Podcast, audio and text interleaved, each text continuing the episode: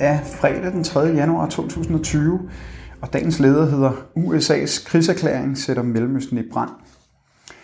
USA's mor på den iranske generalmajor Qasem Soleimani, leder af Quds-styrken i Irans revolutionsgarde, er en kynisk krigserklæring imod Iran, som kan sætte hele Mellemøsten i brand.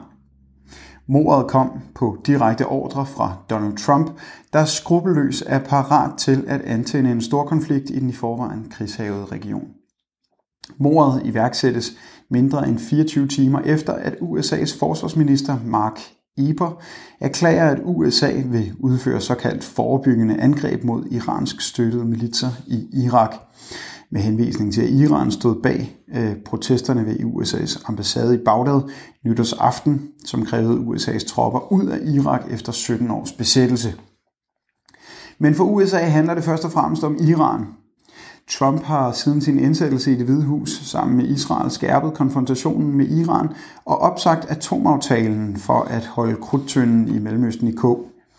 Qasem Soleimani blev dræbt sammen med fem irakere i et angreb, der fandt sted tæt på den internationale lufthavn i Iraks hovedstad Bagdad. Men Soleimani er ikke en her hvem som helst. Han er blandt andet øh, blandt de mest populære militære ledere i Iran.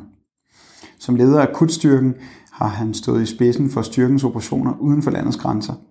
Her blandt i Syrien, øh, hvor den har kæmpet imod islamiske terrorgrupper som Islamisk Stat og Jabhat al-Nusra med flere.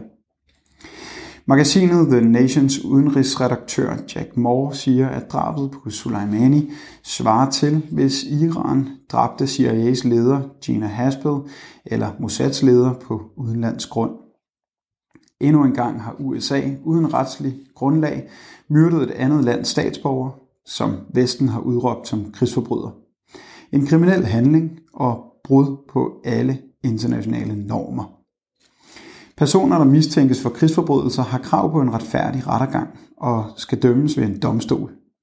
Det bør kendetegne et internationalt retssamfund. Dertil kommer, at den største krigsforbryder, immer væk, er USA, der ligesom Israel har sat sig over folkeretten og international lov og ret.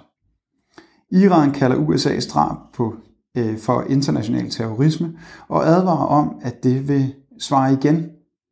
USA og Donald Trump har bevidst skabt en sprængfarlig situation, der kan ende i krig alene for at fremme sine egne imperialistiske interesser.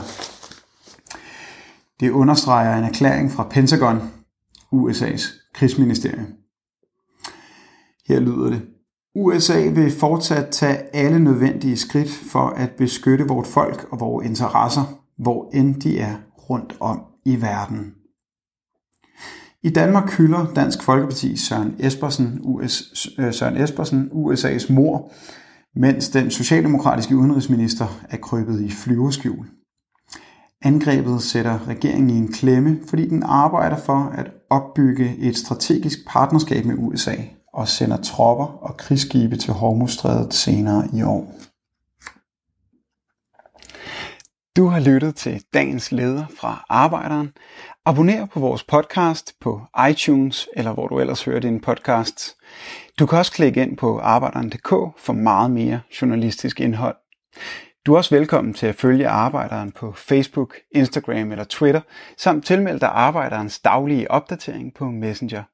Vil du i kontakt med Arbejderens redaktion, kan det ske ved at sende en mail til redaktion Tak fordi du lyttede med.